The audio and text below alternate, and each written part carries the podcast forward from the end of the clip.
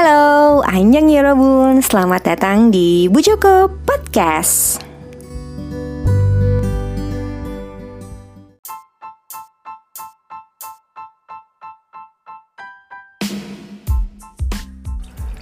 Yorobun balik lagi di Bu Joko Podcast dengan suara gemericik airnya dari akuariumnya Pak Joko ya. Ya harap maklum lah ya, habis mau dimatiin kasihan nanti ikan-ikannya takutnya mati, nggak kuat ya kan, nggak pakai filter. By the way, Bujuko Podcast uh, episode kali ini akan membahas sebuah drama yang lagi hype banget di sosial media. Karena ini drama yang uh, based on webtoon ya. Ada Jinx at First. Yang uh, menurut gue ini sebuah uh, drama dengan genre fantasi romcom gitu ya. Karena tokoh utamanya itu si Selby yang diperankan oleh Sohyun SNSD ini adalah seseorang yang punya kemampuan untuk melihat masa depan orang lain yang dia sentuh jadi kayak cenayang gitulah yang di dunia nyata ya tentu saja nggak ada ya gitu. Jadi makanya gue bilang ini kayak semacam fantasi gitu. Oke sebelum terlalu jauh uh, ke plot kita kenalan dulu sama case-nya ya. Seperti tadi yang sudah gue uh, bilang bahwa ada Sohyun SNSD di sini uh, yang memerankan tokoh Lee Selby Lalu ada Na Inwoo yang berperan sebagai Gong Sukwang atau Gom Yong Sung. Di sini Na Inwoo uh, ada dua ya uh, namanya, tapi perannya tetap sama gitu. Maksudnya dengan karakter yang sama, cuma namanya aja berbeda. Uh, Gong Sukwang dan Gom Yong Sung. Lalu ada John Kwang Lol yang John Kwang Leol susah banget namanya. Yang memerankan toto, tokoh Son Samjung. Ada Ki Do Hoon yang berperan sebagai Son Mi Jun, anaknya Son Samjung lalu ada banyak lagi. Ada mamanya Lee Selby yaitu uh, Yoon Ji Hye yang berperan sebagai Misu. Dan uh, nanti kalau misalnya kalian ngeliat uh, gerombolan tokoh di Sodong Market nanti gue yakin pasti kalian di beberapa apa di beberapa tokoh kan akan ini ya apa namanya familiar lah kalau emang kalian anaknya sering nonton drama itu pasti kan familiar itu aja sih kayaknya tokoh-tokoh sentralnya ya yang tadi udah gue kenalin Oke, sekarang kita ke sinopsis tipis-tipis ya. Lagi-lagi kalau sinopsis tipis-tipis itu biasanya based on my point of view. Ya, untuk uh, Jinx at First ini setelah gue nonton 4 episode, uh, menurut gue ini tuh drama yang bercerita tentang Gong Sukwang yang dulunya tuh kayak manusia eh manusia mahasiswa biasa lah ya yang hidupnya tuh kayak baik-baik aja gitu kayak lancar-lancar aja normal-normal aja tapi kemudian karena suatu hal dia tuh jadi dihinggapi kemalangan bertubi-tubi gitu gitu kayak sial banget gitu loh karena satu hal. Kenapa? Nanti kalian tonton aja gitu ya kenapa kemudian uh, si Gong Sukwang ini jadi kayak tertimpa kemalangan gitu bertubi-tubi.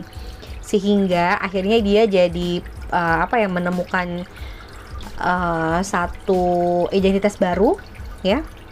Jadi kayak terlahir kembali dengan identitas baru dan dia tuh pindah ke sebuah uh, daerah dan uh, ting berjualan di sana sebagai penjual ikan uh, namanya Sodong Market. Dan di sana pun dia dikenal sebagai orang yang membawa sial gitu loh.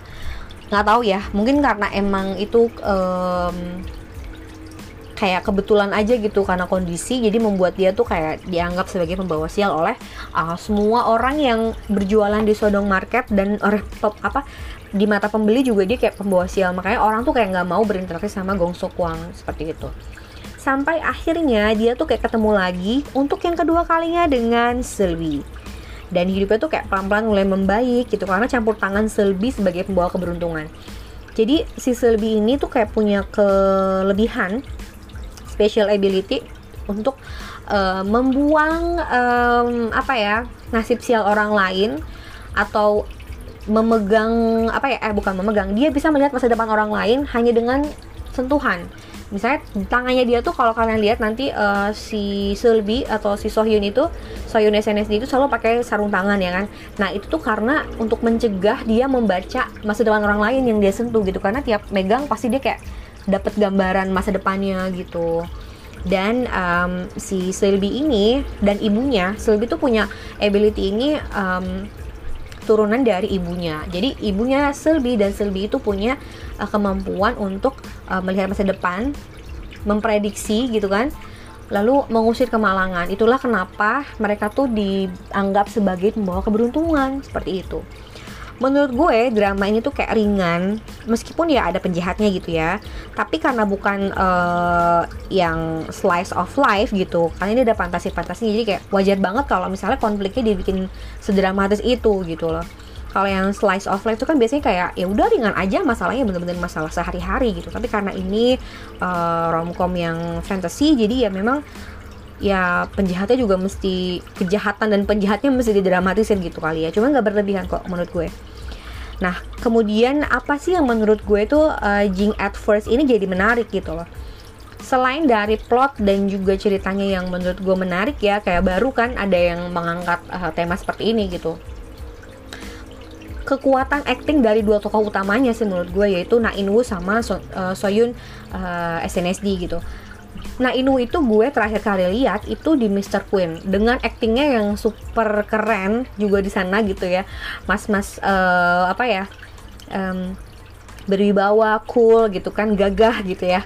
Dan karena itu banyak orang yang kemudian eh, nggak uh, bisa move on dari karakternya Naidu gitu di Mr. Queen dan mereka tuh manggil mereka tuh maksud gue kayak netizen di Twitter itu manggil Nainu sebagai masuk pupu gitu loh Nah, di sini di Jinx at first itu bener-bener hilang image uh, Nah sebagai masuk pupu gitu. Karena di sini tuh kayak karena Gong Sukwang terlahir eh bukan terlahir diciptakan menjadi karakter yang kayak mas-mas biasa gitu mas-mas uh, yang berjualan di pasar. Jadi kan otomatis pakaiannya juga sederhana gitu kan. Terusnya uh, yang menurut gue juga kemudian membuat gue kayak gila ini beda banget hilang banget image uh, si mas pupunya. Adalah karakternya Gong Sukwang sendiri yang kadang-kala dia menunjukkan ekspresi-ekspresi yang silly gitu dan dia tuh nggak takut kelihatan jelek. Kita ngeliatnya kayak kocak gitu loh. Eh gila gue salut banget sama anak ini mau memerankan karakter ini gitu karena Gong Sukwang itu nggak cuman cakep juga tapi dia juga bisa bener-bener ekspresinya tuh ekspresi silingnya tuh nggak nggak dipaksain kayak natural aja gitu dan itu keren banget sih menurut gue. Kalau bukan Na Inwa gue nggak kebayang sih uh, apakah akan sebagus ini gitu yang memerankan karakter Gong Sukwang ini seperti itu juga dari um, Sohyun.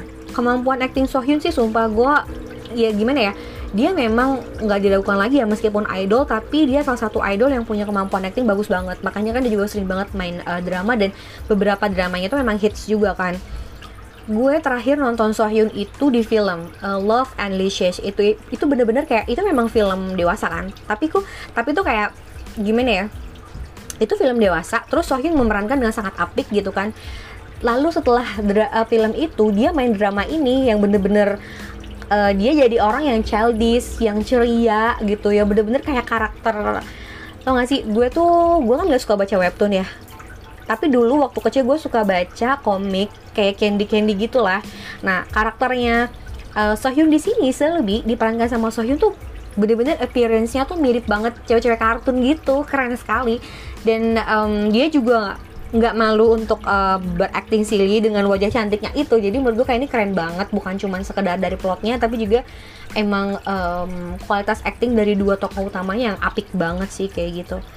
Jadi mereka berdua benar-benar keren lepas bener-bener dari acting-acting mereka di drama sebelumnya seperti itu Nah, uh, ada second lead gak sih di drama ini?